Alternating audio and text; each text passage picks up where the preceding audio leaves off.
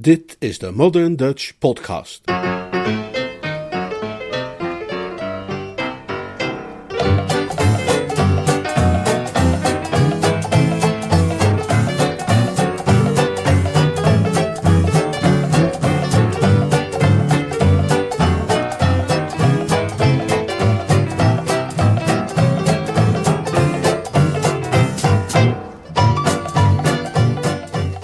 Graag gedaan.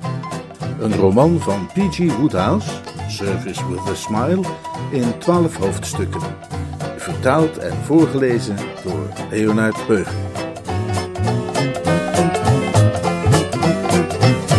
Hoofdstuk 4 Lord Ickenham had de gewoonte om, eh, wanneer hij in een landhuis op bezoek was, voordat hij ook maar iets anders deed, op zoek te gaan naar een hangmat waarin hij zich na het ontbijt kon terugtrekken om diepe gedachten te gaan liggen denken. Hoewel hij, net als Abu ben Adhem, een man was die zijn medemensen beminde, was het zijn vaste regel om na het ochtendmaal die medemensen absoluut te vermijden, want op dat onvolprezen uur wenst hij alleen te zijn om te mediteren. Wie behoefte had aan zijn sprankelende conversatie, moest wachten tot na de lunch, wanneer die voor een ieder volop beschikbaar zou zijn. Zo'n hangmat had hij ook gevonden op het gazon van kasteel Blandings, en op de ochtend na zijn aankomst had hij zich daarin uitgestrekt, geheel in vrede met de wereld. Het was een warme en zonnige dag. Er waaide een mild briesje vanuit het westen. De vogels tjilpten, de bijen zoemden, diverse insecten gonsden en snorden bij de onderscheiden activiteiten die zoal de belangstelling hebben van insecten ten plattelanden. Ergens bij de stallen, eh, buiten beeld, gehouden door enig struikgewas, speelde iemand, waarschijnlijk Voels, de chauffeur, op de mondharmonica. En uit een van de ramen van het huis, gedempt door de afstand, klonk vaaglijk het tik-tik-tik van een schrijfmachine, wat aantoonde dat de plichtsbetrachtende Lavender Briggs druk bezig was een secretariële taak te verrichten ten behoeve van het wekelijkse loonzakje. Gerust en ontspannen verviel Lord Ickenham in een rêverie.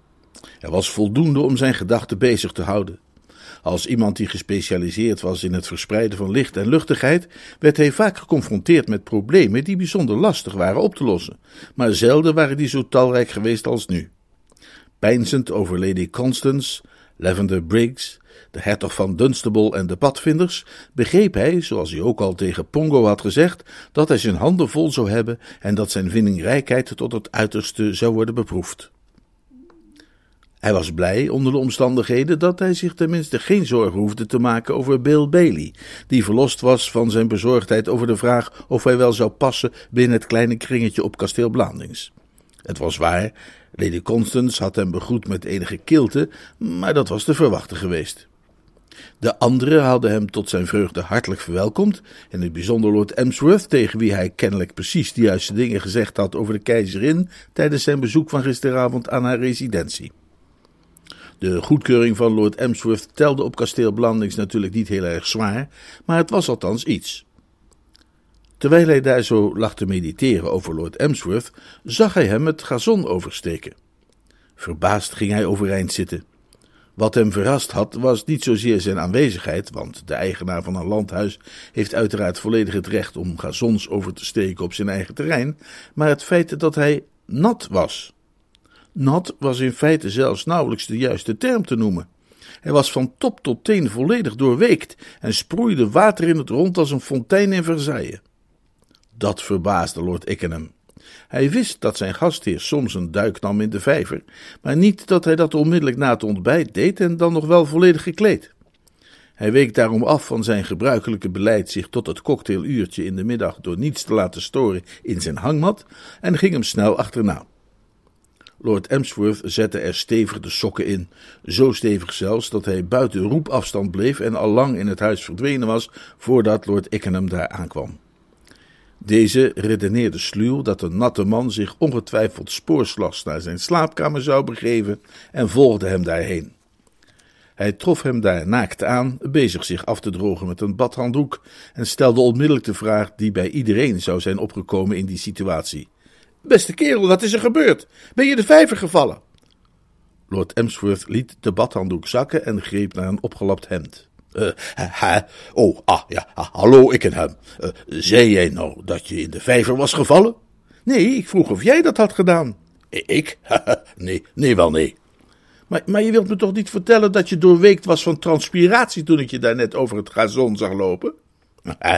Nee, nee, nee, ik, ik, ik, transpireer altijd heel weinig. Ik, ik, ik, was ook niet in de vijver gevallen, ik, ik was erin getoken. Met je kleren aan? Uh, uh, ja, uh, mijn kleren had ik aan. En had je daar nog een bepaalde reden voor? Of, of leek het je alleen maar op dat moment een goed idee zo'n duik te nemen? ik was mijn bril kwijt. En je dacht dat hij misschien in de vijver zou liggen? Lord Emsworth leek zich te realiseren dat hij zichzelf niet helemaal had duidelijk gemaakt. Enige ogenblikken lang hield hij zich bezig met het aantrekken van een droge broek. Toen het hem gelukt was zijn lange benen daar correct in te krijgen, legde hij het verder uit. Nee, nee, nee, dat, dat, uh, uh, dat was het niet. Maar, maar uh, zonder bril vind ik het lastig om behoorlijk te, te zien. Hè? Hm? En ik had geen reden om aan te nemen dat het niet juist was wat die jongen zei. Welke jongen bedoel je? Een van die, van, van die padvinders. Daar heb ik het tegen jou over gehad, toch, weet je nog wel? Ja, dat weet ik nog wel. Oh, ik wou trouwens dat iemand eens mijn sokken zou stoppen zei Lord Emsworth een ogenblikje afwijkend van het centrale onderwerp. Kijk nou toch eens naar die gaten. Uh, waar hadden we het ook weer over? Die padvinder die iets zei. Oh, ja, ja, ja, ja, precies. Was, was, was een, eigenaardige situatie eigenlijk. eigenlijk hè? Ik was naar de, naar de vever gegaan om aan de, aan de jongens te vragen of ze misschien wat minder herrie konden maken. Hm. Plotseling kwam een van hen naar mij toegerend met een hoogst uh, eigenaardige mededeling. Oh meneer, zei hij, hè, uh, red Willy alsjeblieft. Eigenaardige manier om een gesprek te beginnen toch? Ja, hij wees naar iets dat in het water lag. Hm? Dus ik telde één en één bij elkaar op en, uh, en kwam tot de conclusie dat een van zijn kameraadjes in de vijver gevallen moest zijn hè? en dreigde te verdrinken. Dus, dus dook ik erin. Lord Ickenham was onder de indruk. Dat was erg sympathiek van jou. Menigeen die zo'n last van die kleine donderstralen had gehad als jij, zou op de kant zijn blijven staan en zich in zijn handen gevreven hebben. Was die jongen een beetje dankbaar? Oh, ik kan, mijn schoenen nergens vinden. Oh, oh, oh ja, ja, daar staan Oh, wat zei je? Heeft die jongen jou snikkend bedankt? Uh, welke jongen? Die jongen wiens leven je hebt gered. Oh, oh. Nee, nee. Eh, dat, dat wilde ik net gaan uitleggen. Eh, het was geen jongen. Het bleek een, een boomstammetje zijn dat, dat dreef. Ik zwom erheen en riep dat het rustig moest blijven. Ik, vond het heel vervelend om te ontdekken dat al mijn, mijn moeite voor niet, niets was geweest. Hè. En, en weet je wat ik denk? Uh, ik en hem. Mm, mm, weet, je wat ik denk? Ik, ik, heb een, ik heb een sterk, sterk vermoeden dat de jongen zich niet echt had vergist. Nee. Ik, ik ben er haast van overtuigd dat hij wist dat wat daar in het water lag niet, niet een van zijn kameraadjes was. En dat hij mij dus, zeg maar, voor de gek heeft gehouden. Ja, ja, ja, ik weet het zeker. En ik zal je zeggen waarom. Hm? Toen ik uit het water kwam, stonden er nog verschillende andere jongens om hem heen. en die stonden allemaal te lachen. Lord Ickenham kon het zich levendig voorstellen. Ze zouden, nam hij aan, er zelfs nog om lachen als ze dat verhaal aan hun kleinkinderen vertelden. Ja, nou, en ik vroeg ze dus waarom ze moesten lachen. Dan zeiden ze dat dat was om iets grappigs dat, dat, dat de middag daarvoor was gebeurd. Nou, ik vond het moeilijk om hun verhaal te geloven. Dat verbaast me niets. Ik voel me bijzonder verontwaardigd hoor, over die hele kwestie. Daar kan ik helemaal inkomen. Moet ik, moet ik daar nu niet over gaan klagen bij Constance? Mij lijkt een wat pittige reactie op zijn plaats. Ja, maar, maar wat dan? Ja, daar uh, zal ik nog wat over moeten nadenken. Ik zal er wat ernstig denkwerk aan besteden en als daar wat uitkomt zal ik het je laten weten. Ze neermaaien met een jachtgeweer vind je zeker niks. Ja, nee, nee, nee. Nee, ik betwijfel of dat aan, te raden zou zijn. Daar zou commentaar op kunnen komen, denk je? zei Lord Ickenham. Nou, misschien heb je gelijk, geeft niet. Ik bedenk wel wat anders.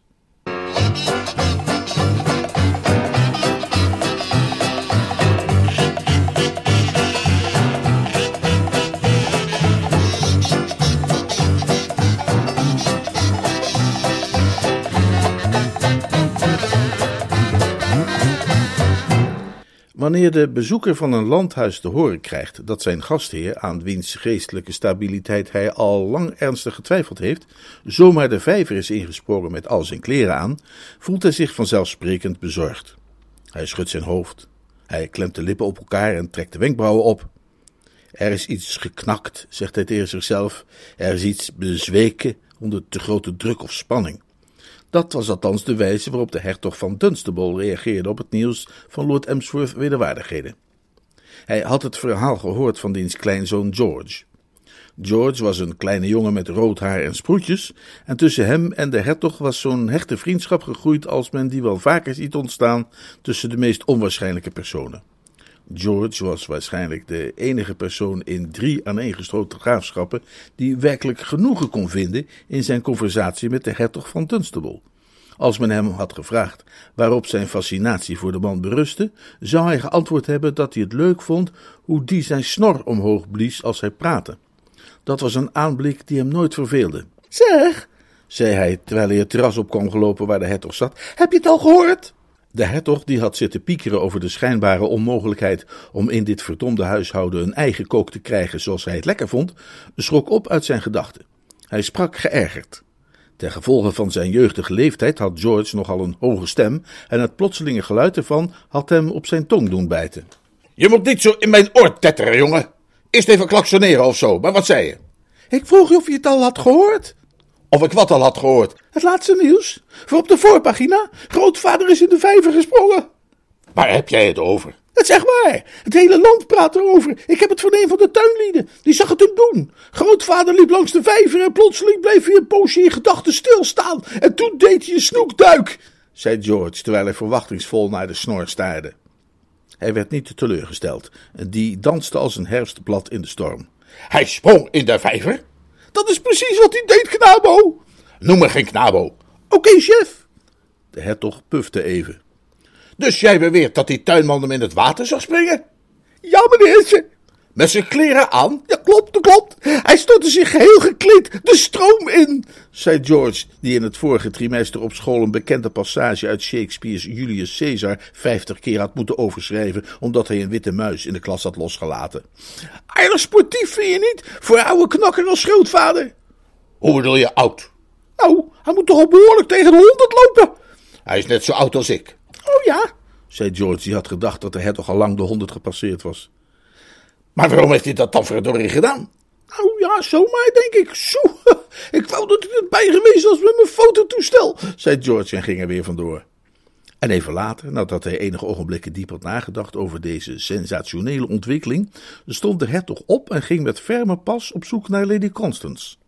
Wat hij gehoord had, leek hem een topconferentie absoluut noodzakelijk te maken. Hij vond haar in de zitkamer. Lavender Briggs was bij haar, compleet met bril en notitieblok. Het was onderdeel van haar secretariële taak om op dit uur van de dag langs te komen om haar instructies te ontvangen. Hé hey daar! bulderde hij als iets dat de geluidsbarrière doorbrak. Oh, Alaric, zei Lady Constance geschrokken en geïrriteerd. Ik zou graag willen dat je klopte voordat je ergens binnenkwam. Ho, ho, met dat, uh, oh, Alaric, zei de hertog, die altijd heel duidelijk was in dat soort dingen. En daar kloppen dus nergens goed voor. Ik wil jou spreken over iets uiterst belangrijks en dat bovendien privé is. Dus opgeroepeld jij, zei hij tegen Lavender Briggs. Hij was iemand die altijd heel kort af was met het personeel. Het gaat over Emsworth. Wat is er met hem? Dat zal ik je vertellen zodra de juffrouw met de blote billen gezicht de deur uit is. Ik wil niet dat hij op mijn lip zit met haar oren op steeltjes. U kunt ons beter even alleen laten, Miss Briggs? Correct, zei Lavender Briggs en trok zich terug met opgetrokken neus.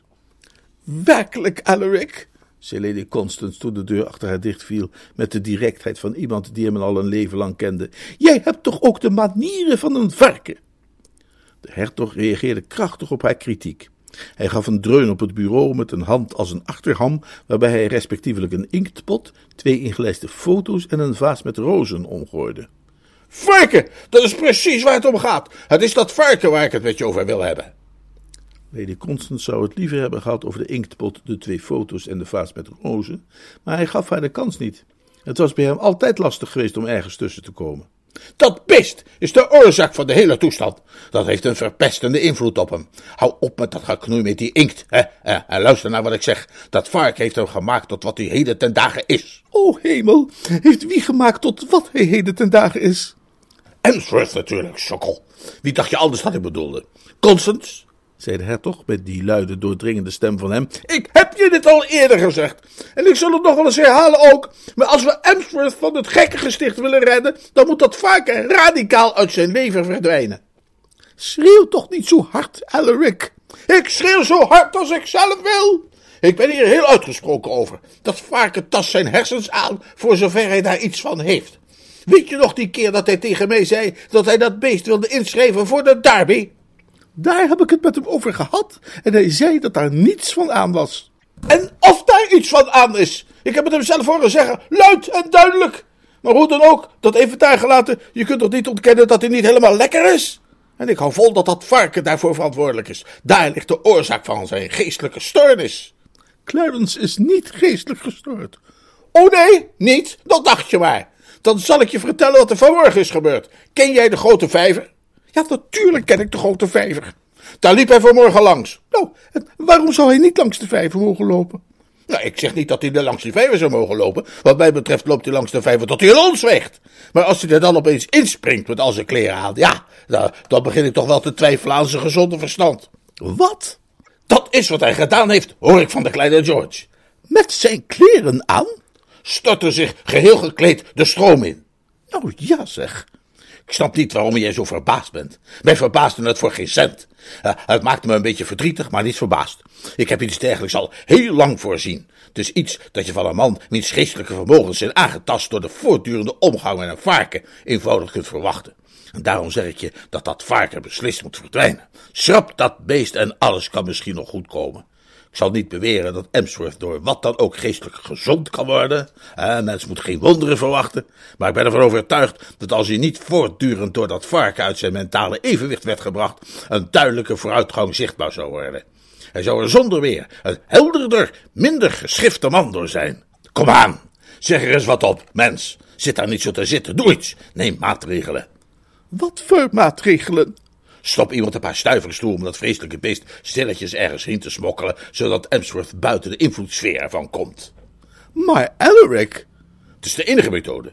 Verkopen wil je het deer niet. Dat heb ik er wel twintig keer gevraagd. Ik geef je er 500 pond voor, handje contantje. Voor die uitpuilende massa spek en snuffelneus, heb ik tegen hem gezegd. Je hoeft maar te kikken, zei ik. Hè? En, en ik laat dat walgelijke monster regelrecht afvoeren naar mijn buitenplaats in Wiltshire. Verzendkosten geheel en al voor mijn rekening.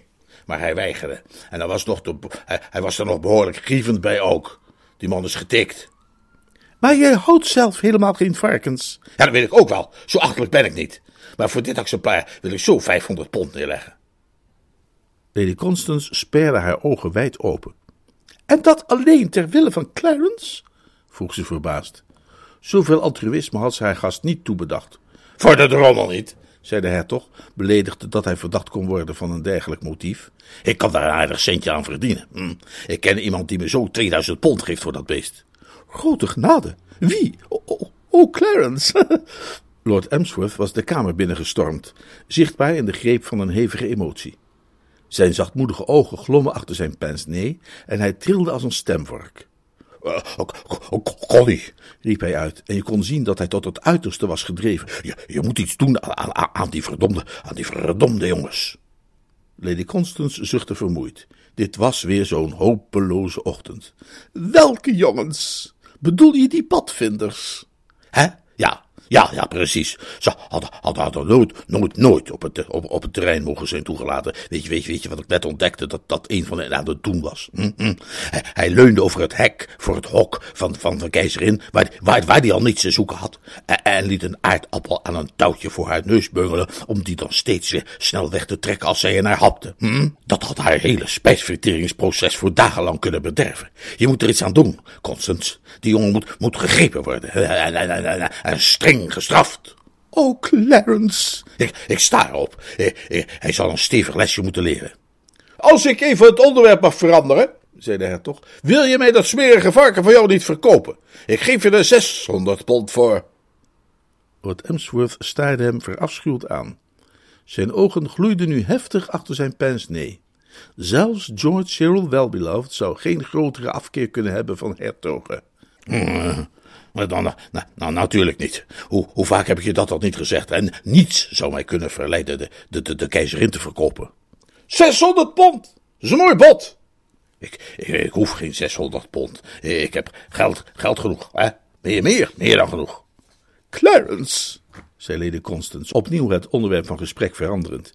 Is het waar dat jij vanmorgen met al je kleren aan in de vijver bent gesprongen? Hè? Hè? Wat, wat? Ja, ja. Ja, ja, zeker, ja. Geen tijd om ze uit te trekken. Oh, het was alleen een boomstammetje. Wat was een boomstammetje? Die jongen. Welke jongen? Dat boomstammetje, hè? Maar ik, ik, kan hier niet blijven staan praten, zei Lord Emsworth ongeduldig en haastte zich naar buiten. Bij de deur draaide hij zich nog een keer om naar Lady Constance om te zeggen dat ze er iets aan moest doen. De hertog blies zijn snor een paar centimeters omhoog. Zie je wel, zeker niet, zo geschrift als een ui. Al aardig in het stadium dat ze gaan raaskallen. Die kan elk moment gevaarlijk worden.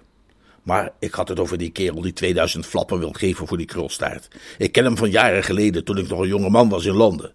Zijn naam was Pike toen.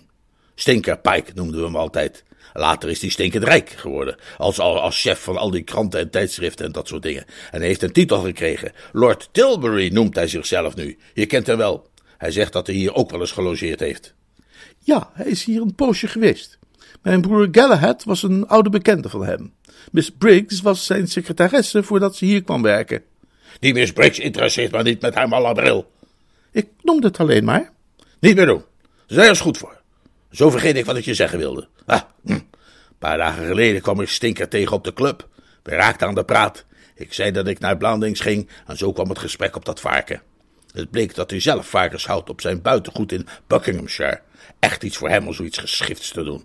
En hij heeft dat gruwelijke beest van Emsworth altijd al willen hebben, sinds hij het voor het eerst gezien heeft. Hij heeft me uitdrukkelijk gezegd dat hij me 2000 pond zou geven als ik hem die zeug kon leveren voor zijn varkensstal. Hoogst merkwaardig. Zo'n kans krijg ik maar eenmaal. We moeten Clarence tot reden zien te brengen. Maar wie kan dat? Ik niet. Je hebt hem net toch gehoord. En jij gaat dat varken niet stelen. Dit is een padstelling. Geen medewerking, dat is wat er in dit vervloekte huis mis is. Het is zeer de vraag of je ooit nog terug gaat komen. Jullie zullen me missen, er is niks aan te doen. Eigen schuld, dikke bult. Ik ga even een luchtje scheppen, zei de hertog en voegde de daad bij het woord.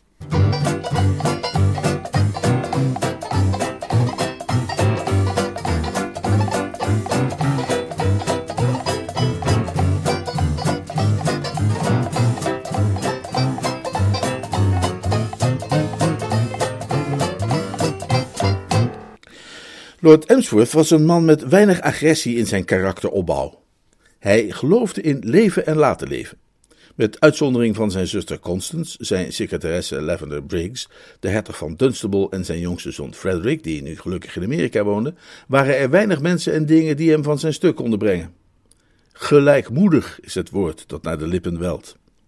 Maar die padvinders hadden zijn panzer doorboord. En hij voelde een grote afkeer van hen en die groeide als een struik die behandeld is met gepatenteerde stikstofhoudende kunstmest. Hij broedde somber over het vele onrecht dat hij geleden had onder de handen van dat stel jeugdige delinquenten. Het incident met de hoge hoed had hij nog door de vingers kunnen zien, want hij wist dat wanneer kleine jongens worden geconfronteerd met iemand die een dergelijke hoofdbedekking draagt en er zijn harde broodjes binnen handbereik, het vrijwel onmogelijk is voor hen om een kalm oordeel te bewaren. En het vrolijke gelach dat hem had verwelkomd toen hij uit de vijver was opgedoken, had hem weliswaar gestoken als een scherp mes, maar ook daar had hij met de nodige morele inspanning begrip en vergeving voor kunnen opbrengen. Maar het verstoren van het fijnzinnig geaccommodeerde spijsverteringsstelsel van de keizerin van Blandings door haar aardappelen voor de neus te houden en die snel weg te trekken wanneer zij daarnaar hapte, dat was werkelijk te ver gegaan. Zoals Hamlet gezegd zou hebben: laag is hun misdrijf, o het ten hemel. En als de hemel geen vergelding van ze vragen zou, en er was geen teken van enige activiteit in die richting te bespeuren bij het grondpersoneel, zou iemand anders daarvoor moeten zorg dragen. En die iemand anders, daarvan was hij overtuigd, was Ickenham. Toen hij bij hem wegging, was Ickenham de situatie grondig aan het overwegen, en wie weet had diens vruchtbare geest inmiddels al wel een geschikte represaillemaatregel gevonden. Hij verliet Lady Constance's boudoir en haastte zich dus naar de hangmat op het gazon om zijn verhaal daar te vertellen. Hij werd niet teleurgesteld door de wijze waarop het werd ontvangen. Waar een man van grover besnaring hem wellicht had uitgelachen, bleef Lord Ickenham de ernst zelf. Met nog niet de kleinste beweging van de lip toonde hij iets vermakelijks te hebben gevonden in wat zijn gastheer hem vertelde. Een aardappel, zei hij met gefronst voorhoofd. Een grote aardappel. Aan een touwtje? Een stukje koord. En dan opeens trok je hem weg. herhaaldelijk. Ja, dat, dat moet de keizerin bijzonder hebben ontsteld. Hè. Ze, is buitengewoon dol op, op, op aardappelen. En dat wil jij bestraffen? Jij wil dat daar iets aan gedaan wordt in de zin van vergelding of weerwraak? Ja, ja, precies. Dan bof je, zei Lord Ickenham hartelijk, dat ik jou daartoe een uitstekende suggestie kan doen. Het is maar een voorstel, begrijp me goed. Maar ik weet wel wat ik zou doen als ik in jouw plaats was. Uh, uh, wat dan? Ik zou eerst even rustig afwachten. En dan stilletjes in de kleine uurtjes naar die vijver sluipen om de scheerlijnen van hun tent door te snijden. Zoals we dat deden in het algemeen schoolkamp in Eldershot. Tijdens de heroïsche dagen van mijn jeugd. Dat, dat zou naar mijn oordeel een gerechtvaardigd en ridderlijk antwoord zijn. Ah, zei Lord Emsworth. Hij zei het met een plotselinge levendigheid. 46 jaren waren van hem afgevallen.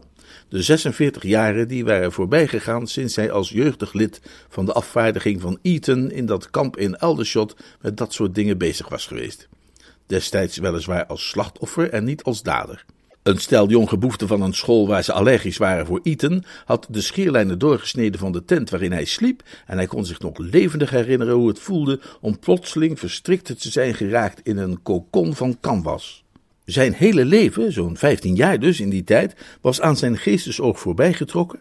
En met de suggestie die padvinders een dergelijke ervaring te bezorgen, had ik hem, besefte hij, een mooi staaltje gegeven van zijn nuchtere verstand en praktische aard. Even trok er een gloed over zijn zachtmoedige gelaat. Die doofde echter weer snel.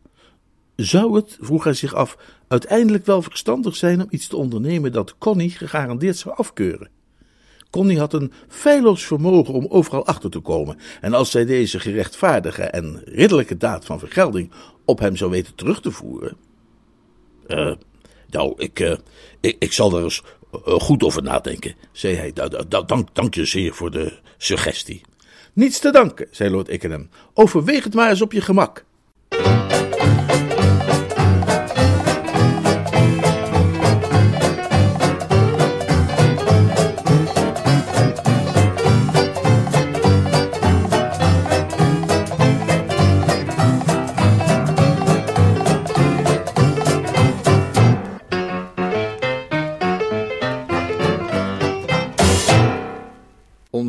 Nieuwe vertalingen van P.G. Woodhouse worden in boekvorm uitgegeven door uitgeverij IJzer in Utrecht en zijn verkrijgbaar bij de boekhandel, rechtstreeks bij de uitgeverij of via leonard.moderndutch.nl.